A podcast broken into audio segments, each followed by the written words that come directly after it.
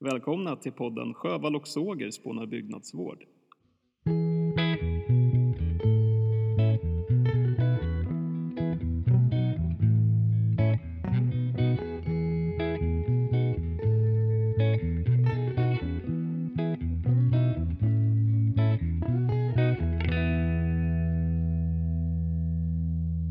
Hej och välkomna till ett nytt avsnitt av podden. Hej Sandra! Hej Anna! Hur har du det i Visby? Eh, jag har det bra. Du, idag ska vi prata om det svarta guldet. Alltså kära. Ja, det ska vi göra. Det här kommer bli ett jätteroligt avsnitt och Mm. lite speciellt. Mm. Det är lite speciellt för att vi har två fantastiska gäster med oss idag här. Och du har ju kört intervjun faktiskt och det är med Per Malmros och Frode Falkenhau. Just det. Eh, Mm. Så det kommer bli lite speciellt och vi kommer hoppa direkt in i den intervjun. Mm. Nu kör vi! Det gör vi.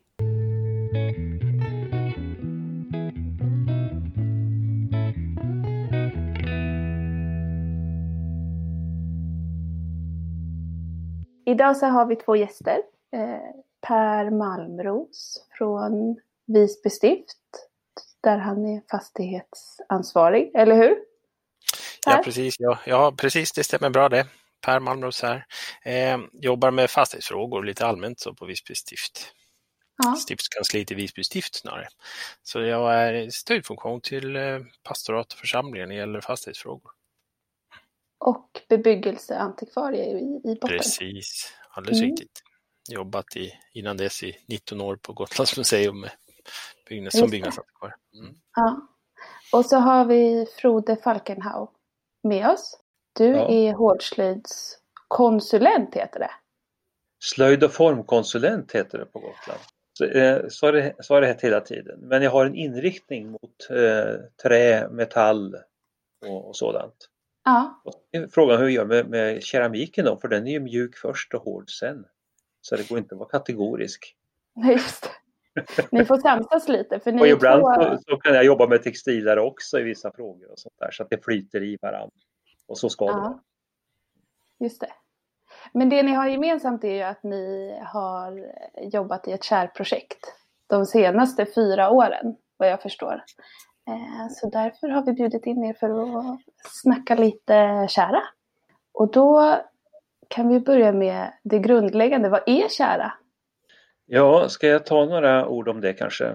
Ja, Eh, gör gärna det. Jag kan väl säga att, att eh, man ska vara riktigt grundläggande sådär så är väl kära egentligen ett destillat av kåda, utav tallkåda. Mm. Eh, och, och innehåller ganska mycket saker som liknar det som finns i kåda, det vill säga hartser, terpener, kolföreningar och så. Men nu är det så att, att eh, käran den, den förändrar sig lite grann eh, eh, i innehållet beroende på hur mycket man processar den, alltså kokar den. Och eh, ju mer man kokar, ju giftigare blir den. Eh, så att när vi pratar om eh, vanlig mörk kära så, så innehåller den också ämnen som fenoler, polycykliska kolväten, guajacol och så vidare. Det här är knepiga kemiska beteckningar. Och jag är inte på något sätt någon kemist som kan i detalj beskriva liksom Nej. vad, vad kära innehåller i och med att den också fluktuerar så mycket som jag nyss sa. Men de här ämnena de är ju cancerogena eh, till stor Mhm. del. Fenoler exempelvis, guajacol och så. Så att det, är- kära är lite giftigt. Och eh, ju mindre processad den är, ju mindre giftig är den. Så att eh, den här ljusa käran, den, den kan ju till och med användas till hudsalvor och kosmetika och sådär. Men den riktigt mörka käran, om, om, eller om man kokar käran ordentligt så blir bäck och så och sen fortsätter att koka, då blir det nästan som att få fram kreosot till slut. Mhm. Sen brukar man ju eh, skilja på två typer utav käror då, som används eh, till bebyggelse och båtar. Och sånt. Det är ju träkära Ja, och så har vi också stenkolkäran. just det. Och stenkol, det som skiljer de här åt då, det, det kan man säga, det är, väl, det är väl att den tiden som stenkolet har legat i marken eller, eller i berget och så fossilerat sig från, från gamla urskogar från, från förhistorisk tid. Eh, Det är ju också en process att få ligga så där länge. Eh, ja. Så att eh, stenkoltjäran blir överlag mycket, mycket giftigare. Eh, och blir mer på något sätt petroleumbaserad nästan så. Och stenkolstjära det var någonting, en biprodukt egentligen som man fick när man började utvinna stadsgas på slutet av 1800-talet i stor skala. Och då mm. fick man ju jättebillig tjära som man tyckte var hemskt fin för att det man strävar efter med träkärran det är att kunna liksom lägga på den lite tjocka lager på tak och byggnader och sådär. Och eh, den här stenkolskärran den kunde man ju få ganska tjock och fin, den bildar helt täta skikt och i och med att den var så giftig så var nästan som man kunde använda som bottenfärg på båtar rent av. Mm. Men den hade sina begränsningar eh, också och det visade sig långt efteråt. Och jag har en granne här i Mästerby där jag sitter som mm. har varit väldigt aktiv i eh, skutsjöfart och, och segelskodor på västkusten. Och eh, Svenska kryssarklubben har en skuta som heter eh, eh ska säga, Gratitude. Den, hade, den är ju en engelsk kutter som är byggd 1902 någon gång tror jag, jag kan ha fel där lite men början av 1900-talet. Och den var ju byggd med stenkoltjära som behandling som metod från början. Okej. Okay. Den skulle man in på varv och renovera och eh, skulle fixa lite i botten. Men när man fick bort eh, kopparplåtar och sånt där och fick se då det här träet under som hade varit under nästan ett sekel bemängt med, med, med stenkolstjära så såg man det att, att eh, träet höll på att gå i upplösning. För det är nämligen känt att stenkolstjäran löser upp ligninet som är bindemedlet i träet. Men det problemet ja, ja. får man inte med träkärra. Så det är därför man egentligen har försökt att varna för att gå ifrån bruket av stenkoltjära eh, på byggnader. Tvärt. Man får alltså en, en, en eh, på ett, de första 40 eh, åren så ser det jättebra ut. Men ja. över ett, ett, en lång livscykel så är det menligt för träet alltså att ha på stenkoltjära. Ja, för det kan man ju, man kan ju uppleva att eh, en fasad som är målad med stenkoltjära, att den liksom nästan är mörken bakom. Om, om man liksom ska laga. Att det blir att träet påverkas så pass mycket av. Får jag bara fråga en annan sak om då träkära? För det finns väl, man kan väl bränna kära på olika träslag, eller? Det kan man göra. De flesta träslag som man torrdestillerar eh, mm. blir alltså eh, så får man kära som biprodukt.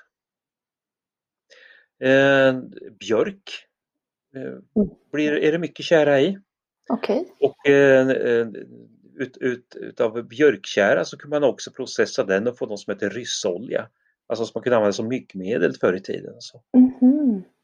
Eh, vi har, idag så har vi ju en, industriell eh, process eh, för att göra grillkol. Det finns en stor grillkolsleverantör i Tyskland som eh, bränner grillkol på bok och han ja. får alltså boktjära som biprodukt.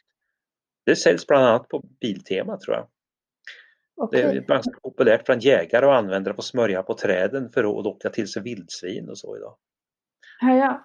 Men det använder man, lövträkära används inte på byggnader?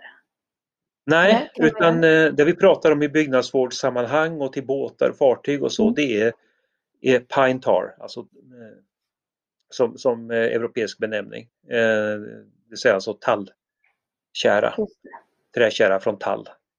När jag, för länge sedan så skrev jag ett skolarbete om kära. och så mm. tog jag fram det nu innan podden och sen så hade jag ritat en neandertalare på mm. den här Eh, det, betyder, det, det visade sig när jag läste vidare att eh, kära har ju använts väldigt, väldigt länge. När mm. började man använda det som ytbehandling? Vet man det? Ja, jag tror att, jag tror att eh, det där med neandertalarna var nog ganska korrekt tror jag. Jag tror att människor har använt kära som eh, till olika saker, bland annat ytbehandling också. Mm. Så länge man har haft tillgång till eld och man har använt eld aktivt. För att vad tänkte man när man satt där runt elden och hade lagt på några riktiga furuklampor och man såg den här brungula massan fräste och rann längst ner med, med, med vedträet sådär. Och så började man peta i det där och kände att det var lite segt och klibbigt. Vad kan man använda det här till? Kan man liksom förstärka surrningarna på, på, på pilspetsarna och sådana här saker? Och, eh, kan man blanda det här med fett och använda det man garvar skinn exempelvis och så. Va? Det har säkert, mm. säkert varit massvis med, med, med sådana användningsområden. Då. Och eh, jag skulle tro att kära är väl det, det material som man började använda som ytbehandling först av allting. Eh, eh, just, just eh, att smörja stora ytor med kära, det, det mm. har jag för dålig kunskap om att uttrycka mig om. Men jag vet ju att exempelvis den här eh, grekiska historieskrivaren Theophastrus eh, beskriver ju kärtillverkning då och då har man ju förmodligen en så stor användning utav kära att man eh, på något sätt har ett, ett system för att få fram större kvantiteter. Även romerska Plinius som levde i Kristi tid ungefär eh, beskriver kärtillverkning i Medelhavsländerna som en ganska mm. viktig sak. Och så, så länge som man har haft fartyg så har man ju varit behov av att skydda det eh, mot någonting och då har det varit kära. Eh, ja, jag vet att man, man har också använt sig utav hajleverolja och sånt, men sen fenicierna förr i tiden och så. Men det, det kära har varit väldigt centralt. Ja. ja. Men, när, men man vet inte riktigt när man började använda det som ytbehandling på byggnader egentligen då? Kan man säga något om hur det har sett ut i Norden? Man, man kan, kan, säga så här, så länge vi har jobbat med träbyggnader så har ju kära varit, varit centralt. Och, eh, mm. Jag vet att det, det, har ju förekommit en del utgrävningar och, och så kring kärgropar och annat. Bland annat här på A7-området i Visby så mm. har vi ju en kärgrop Eh, där mm. ett hus intill blev daterat till romersk järnålder, det vill säga ungefär en ja, 0 till 300 år efter Kristus ungefär. Eh, och det sägs det att, att de här som har inventerat så kallade kärgropar då, för det var ju liksom en, en föregångare till, till Sojdet eller Kärdalen då. Mm. Eh, så, eh, så finns det en, en teori bland arkeologer om att fram till vändeltid ungefär så verkar det som att man mera brände till husbehov. Men då har man säkert eh, ingått där att man behandlar eh, hus och byggnader med, med det också. Eh, sen därefter så verkar det som att det blir mera industri, att man börjar exportera kära. Och därför hittar man väldigt mycket sådana här kärgropar inte i vattendrag så det inte skulle vara så långt att transportera ut kärrtunnorna till, till mindre båtar och ro ut dem. I övre Uppland har man eh, gjort sådana undersökningar bland annat. Mm. Och då har man väl kanske sett att det finns liksom vattenvägar ner till Mälaren och så från ställen man har huggit och bränt. Ja, så att eh, det, vi har nog använt, så länge vi har jobbat med större träbyggnader i Norden så har vi nog använt kära. Något annat fanns liksom inte till, till buds i större utsträckning. Nej. Linoljan kom ju långt senare. Just det. Eh, men du pratade ju om, eh, du nämnde sojde. Mm. Ska vi prata lite mer om vad, vad det är för någonting? Eh, det är ju där man tillverkade käran, eller hur? Eller tillverkar, ska vi kanske säga. Jag, jag kan eh, prata lite om det, Sandra. Aha. Om du vill. Eh, ja, nej, men det, det stämmer. Så är ju samma som en kärdal. Det svenska ordet är ju kärdal. Eh, och ett, mm. ett, en kärdal är ju egentligen en trattformad eh, i alla fall om vi pratar på Gotland, en trättformad grop i marken. Eh, där man, eh, om man ska ta konstruktionen lite kort, så i den här trattformade konstruktionen kler man då med eh, kalkstensflis. Eh, och så har man ett hål centralt i mitten. Till, den, till det hålet så kopplar man då en haggvann eller en urholkad stock så att man ur botten alltså, av sådet kan leda, leda ut käran ner i den här ihåliga trästammen och sen så under tiden man bränner så kan man då tappa ut käran eh, under hela processen. Om man då jämför det med den tidigare, de här kärgroparna, så där var det ju ett, ett hål i marken och så fick man ju bränna sin ved. Eh, och sen rann det ner i den här centrala delen, antingen i ett kärl eller bara direkt ner i gropen. Då. Mm. Då, hade man ju, då fick man ju inte ut en kära under tiden man brände utan det, det gav ju en begränsning på, på sätt och vis. Så när det här kärdalarna dyker upp och jag tror att vi pratar om 1400-1500-talet någonting sånt där. Eh, så blir det ju enklare att framställa kära i större mängd än tidigare. Blir det också eh. annorlunda kvalitet? Eller jag tänker om den var där under hela tiden från början? Blev den det, kortare ja, liksom? Måste den ja, på något sätt? Det, det, man inte kan göra det är att separera käran i olika kvaliteter, vilket ju är möjligt i en kärdal. Mm. Um, och det, det, man använder för att bränna kära, det finns ju, det är väldigt aktivt här nere på Gotland. Det är många, det är ungefär 15 föreningar som främst hembygdsföreningar och så som och så är det slag som bränner kära här nere. Så det, det finns en aktiv och levande tradition som egentligen aldrig har försvunnit utan mm.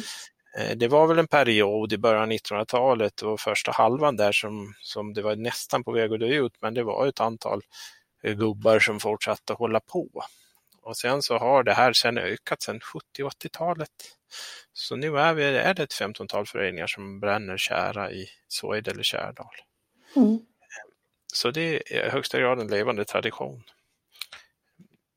Men eh, det man använder här nere det är ju furustubbar i huvudsak. Det är huvudsakliga råvaran till att bränna kära. Mm. Och en mm. furustubbe, för att den ska vara bra så behöver den uppfylla vissa kriterier. Dels behöver trädet vara väldigt gammalt när man sågar ner det, det vill säga det ska helst vara ett par hundra år eller sådär, så det blir en rejäl stubbe. Den stubben ska sedan stå i marken gärna en, minst en 30-40 år, men gärna mer. Och skälet till det dels är att de här härtsämnena i stubben koncentreras och att ytveden ruttnar bort. Det vill säga, det blir lättare att få upp stubben och det är lättare att ta hand om materialet sen. Du får ett mer koncentrerat och bra material att bränna kära på.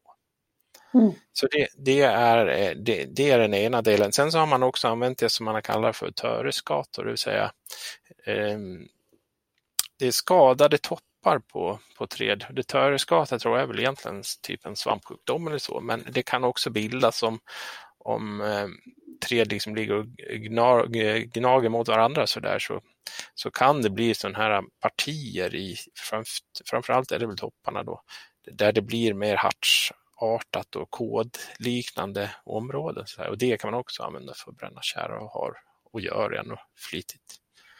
Mm. Så det är de mm. två olika. Ja, då är det ganska begränsat material. Det är begränsat material. I, i, i våra... Ja, För att flika in bara en sak där att, att äh, arkeologerna har en teori om att äh, i, i förhistorisk tid, alltså vi pratar om de här kärrgroparna från äh, folkvandringstid och sådär. Mm. Så var det nog mer att man gick på stamved och brände. För den tidens skogar var förmodligen så mycket kärnvirke i så att de var feta och fina. Och, då, och på den tiden var det mycket lättare att hugga ner och, och shoppa upp en, en tallstam eh, jämfört med att bryta stubbar när man inte hade tillgång till taljor och kätting och så i samma utsträckning som idag. Eller som man hade på 1800-talet. Mm. Liksom. Så att eh, man, man tror att från början av så har man använt liksom hela skogen då. Så. För att det här med stubbar, då, då är man ju beroende av ett aktivt skogsbruk för att det ska bli stubbar. Och det, så var det ju inte på den tiden. Nej, så, så, så, är det ju naturligtvis. Men eh, jag gissar att i alla fall så länge man har använt kärdalar så är, har nog stubbar varit den huvudsakliga källan. I alla fall i de områden där man inte haft en storskalig produktion, för då har ju inte stubbarna räckt till. Nej, eller, eller vad säger du Florian? Ja, ska vi säga om, om en, en, annan ganska vanlig brännmetod också, eh, det här med eh, dikesbränning. Ja, det finns ju också. Ja, gärna. Vad är det? Det har jag inte hört talas om. Egentligen är det mer ett, ett sluttande plan kan man väl säga, eller hur? Frode? Ja. Att, det, att man har det, man staplar det i, i, en, i, en, i en backe eller sådär. Så att mm. man då mm. får ett, ett sluttande plan och man får kärn att rinna på det sättet. Men om, om vi återgår till själva Kärdalen så, så finns det egentligen på, på Gotland finns det två olika typer av sätt att egentligen stapla de här. Grundkonstruktionen är densamma. Mm. Eh, och det är pinsoide och stocksoide. Det är de två typerna som finns. Eh, ett pinsoide det är egentligen att man, man fyller den här tratten, eh, staplar en stack egentligen eh, i den här eh, trattformade eh, konstruktionen i backen. när man har gjort det, och då, det här är det också lite grann olika. den sista, man, det här ska packas väldigt väl när man, när man eh, staplar de här kärdalarna i. Eh, och eh, man använder den här stubbarna, stubbmaterialet eh, och staplar i ringar liksom i, inifrån centrum och utåt. Eh, packar dem efterhand med, med klubbor. Sen mm. så när man kommer till ytterkanterna så behöver man ha ett tändhål och en del använder då tändved, det vill säga att man kan använda vanlig ved för att få fart på det här sådet. För eh, den här processen går ju ut på att man med värme trycker ur eller eh, så liksom driver ur kärran ur veden. Eh, den andra typen är ett stocksojde och det, det som egentligen skiljer är att man i ytterkant på, på, på, på sojderna då staplar ett, ett antal varmstockar som gör den här um, kärdalen sojdet högre. Mm. Och att man då kan få plats med mer ved i den helt enkelt. Det blir också lite annorlunda i tändningen för då får man tända lite mer uppifrån istället för i botten eller i kanten på sojdet. Så de två typerna känner vi till här på ön i alla fall. Eh, eftersom det här är en nordisk tradition så finns det ju den här typen av kärdalar finns ju överallt egentligen. Mm. Både Sverige, Finland och Norge finns ju väldigt fortfarande en aktiv tradition att, att bränna på det här sättet. Um, ja. Just det, men då gör man ungefär samma, eller den här back Ja, i, i de norska kärdalarna kan man ju, i alla fall en del av dem, så bygger man upp dem, kan man ha en inslänt och så bygger man upp halva kärdalarna med, med tre då, stockar egentligen. Så mm. att den här tratten byggs av tre i väldigt stor utsträckning. Och istället för att ha den här stenen som kärran då rinner längs med i den gotländska kärdalen mm. så använder man never. Okay. För att få kärran att rinna på. Man kan säga att i, norr, alltså, i norra Sverige är det också väldigt vanligt. Ja, precis. Och jag vet inte, kanske i Finland också. Det är lite beroende på vad man har haft för tillgång till. Har du haft bra flis mm. så att det gick lätt att få det här lagret i, i botten, då har du säkert använt det. Men har du inte haft tillgång till det utan då har man ju fått använda andra metoder. Så jag, jag, tror att det styr helt och hållet vad du har haft tillgång till för grundmaterial helt enkelt i din närhet. Ja, och det, man kan också säga att den här käran har ju alltid varit en dyr produkt. Ja. Eh, och i långa tider har man ju använt det för att betala sin skatt till exempel. Betala skatt med kära. Eh, Men då ja, förutsatte det att alla brände kära på huset ja, precis. liksom, eller? Precis, alla gårdar hade ju eh, antingen egen kärdal eller, eller del i en kärdal. Så alla gårdar på Gotland hade ju det. Ja, för det kan man ju se om man kollar, eh, om man nördar in sig lite på sådana här eh, fornsök och kollar på alla fornlämningar. Och, och, hälften av alla är ju kördalar i stort sett. Kördalar är jättevanligt. Precis. Och det kan eh, det är sant. Ja, nej, det, så det, det är väl en av nästan våra vanligaste sådär, fornlämningstyper, snudd på. Ja. Så, så det är väldigt vanligt. Och så har det säkert sett ut i stora delar av resten av Skandinavien. Men, eh, om man då flyttar sig mer till öster så är det ju andra konstruktioner. Där har man murat ugnar istället. Mm. Det skiljer sig lite grann. Så den här traditionen att, vi, att bränna i Norden vet jag inte exakt var den kommer ifrån. Om det är. Men eh, ja, Nej, det ser det. lite olika ut. Men du nämnde förut att kärdalar eh, också har den eh, egenskapen att man då kan liksom eh, skilja ur käran i olika kvaliteter med underbränningen. Eh, precis. Eftersom vi har den här eh, ihåliga trestammen i botten mm. så leder man ut käran till såjdeskällan eller en, en, det som i ena delen av, av, av kärdalen så har man då som en öppning kan man säga, murad öppning som man kan komma åt och ta, tappa ut käran. Mm. Och det här gör man eh, under hela processen. Man tappar det i hinkar liksom och, och häller över i antingen större kärl då, eller eh, förr var det ju trätunnor man hällde det på. Mm. Kanske på en 100-150 liters stora trätunnor.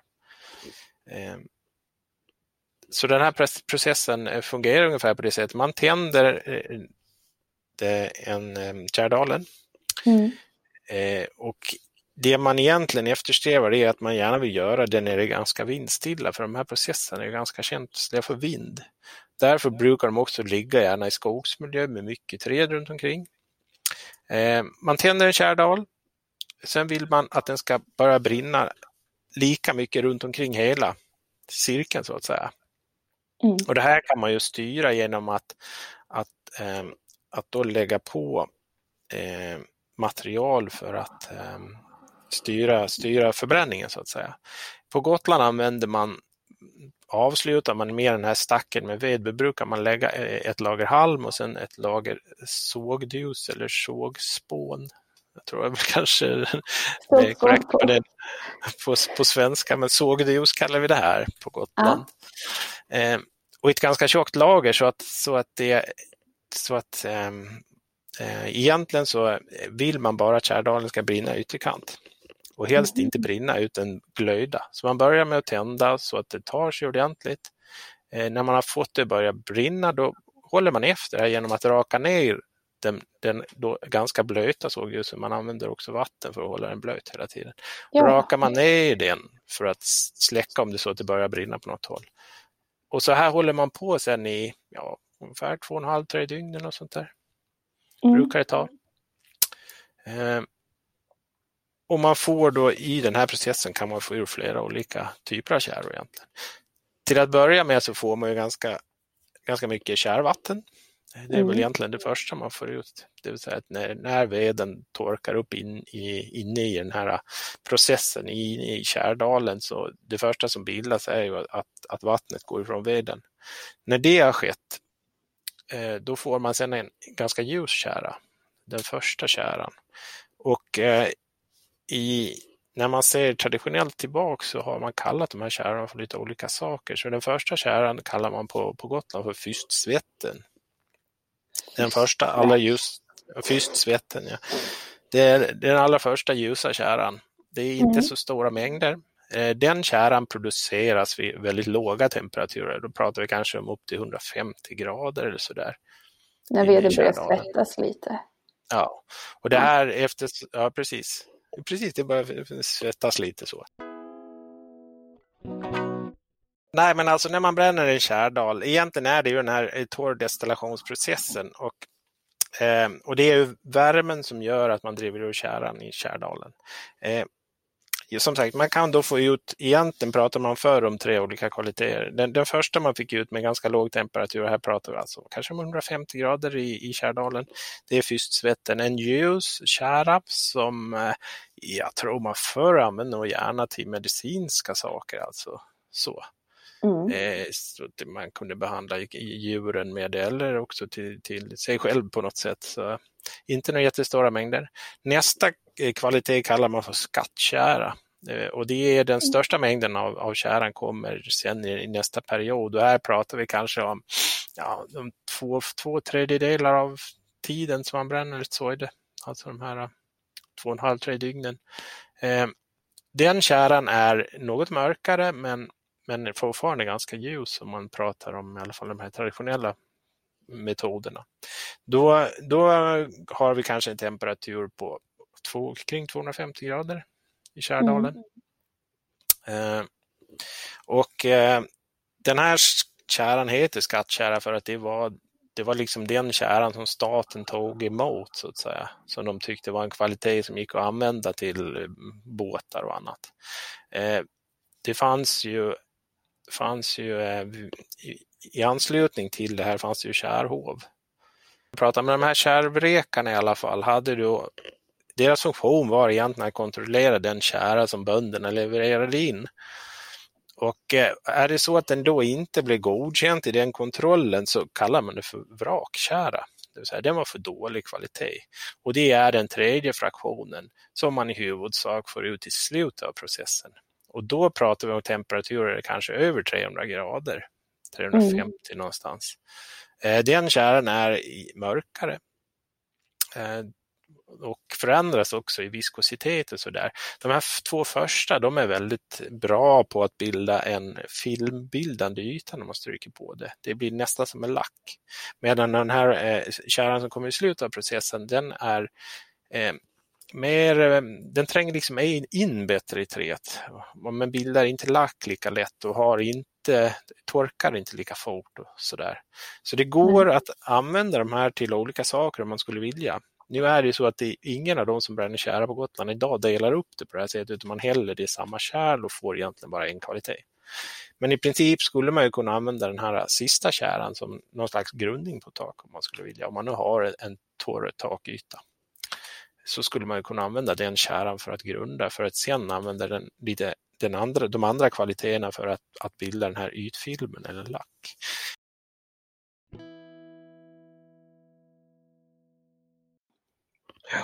Jag kan, kan, bara kanske förtydliga en, en liten historisk bit där och det är ju det här mm. med skattekärran som vi kom in på lite grann då.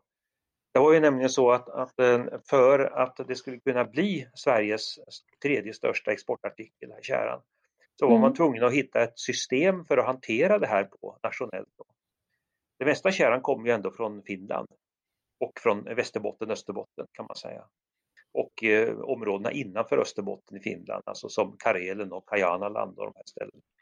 Där, där, finns det ju, där har man en hel infrastruktur som är baserad på kärbränning och kär, eh, kärframställning med kanalsystem för att frakta ut tunnorna till kusten och så vidare. Men eh, redan Gustav Vasa satte ju normen för ett nytt handelssystem i, i Sverige, detta med, med eh, stapelstäder och så vidare. Då. Så att man skulle liksom få ett, skapa en export som skulle bygga upp statskassan och sådär. Och det eh, fortsatte man ju med under stormaktstiden också. Mm. Eh, och det, det, gjorde det att, i varje sån här stapelstad som typ Visby blev eh, sedermera, eller Umeå eller, eller Västervik och så, så, så fanns det ett kärhov. Eh, och eh, i Visby så eh, finns det en, en teckning sparad av Per Arvid Säve som, eh, där han har tecknat det, det nybyggda fängelset, sjumastaren nere i hamnen. Mm. Och framför den så har han också plitat in en, eh, en liten låg lada eh, som, som vad ska man säga, följer sluttningen nästan. Och det är alltså Visby kärhov då. Och det går lite historier om, om just det här med, med kärhovet för att eh, bönderna på Gotland som hade bra skog då, de var ju belagda med, med, med ett krav på att leverera ett visst eh, mått kära i förhållande till hur mycket mark och så man hade. Mm. Eh, och precis som Per sa så slog man sig ihop i samfälligheter för att bränna då och sådär. Och det var ganska intensivt arbete. Eh, jag har en upptäckning på att, att man räknar med att en tunna kära fordrade tio dagsarbeten och då pratar vi kanske inte om, om åtta timmars dagar utan ändå längre arbetstid egentligen.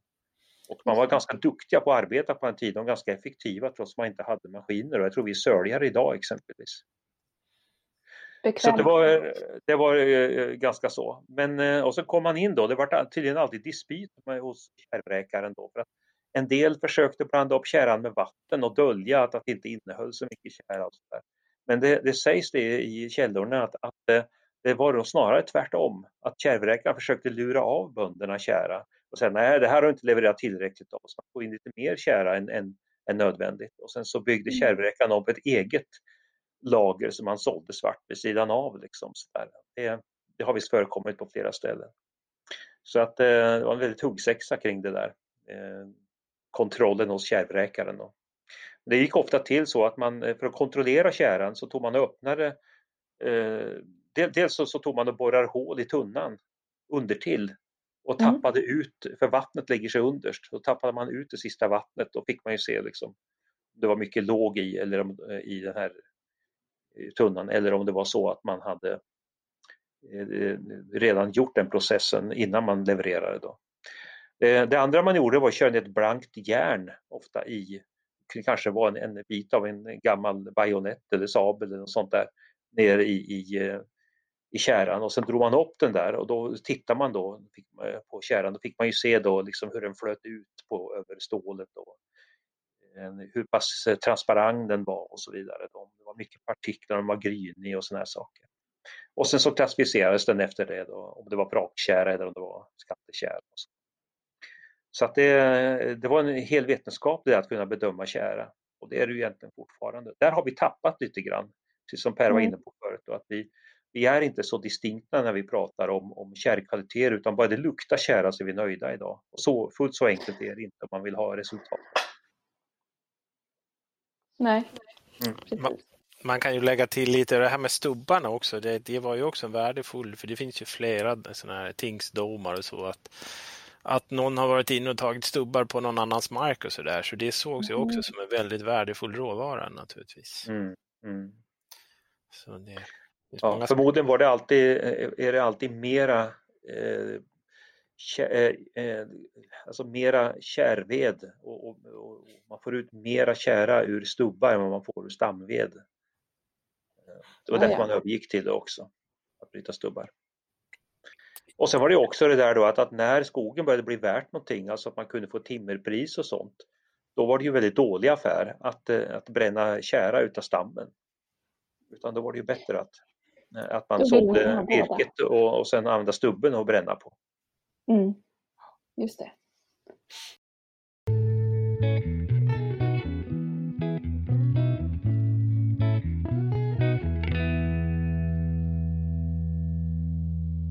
Du, vilken kunskap de herrarna sitter på, eller hur? Ja. Eh, Det är helt fantastiskt att de eh, har hållit på med det här projektet i snart fyra år. Mm. Eh, och eh, det... Ja, de, de har liksom grottat ner sig så mycket i historiken kring Kära Mm. att det är så himla roligt nördigt på något sätt. Mm. Nej, men jag blir så imponerad och jag blir så inspirerad att gå runt där i Kärdalen och, och, och liksom jobba och eh, vakta dalen och kolla att allting går rätt till liksom. Ja. Men vi ska ju länka de här eh, rapporterna som eh, Frodo och Per har skrivit. Ja! Så vi, vi länkar dem under eh, avsnittet så att man, om man vill läsa mer så kan man ju alltid gå in och läsa, läsa de här Mm. rapporterna. Jättekul. Och det var roligt att de tog in Finland också. Men du, vi har ju ett till avsnitt med intervju. Ja, Det här var del ett. Och del två kan man lyssna på eh, redan nu om man vill. så välkomna och lyssna på nästa avsnitt också. Då säger vi så för den här Ja. gången. Hej då!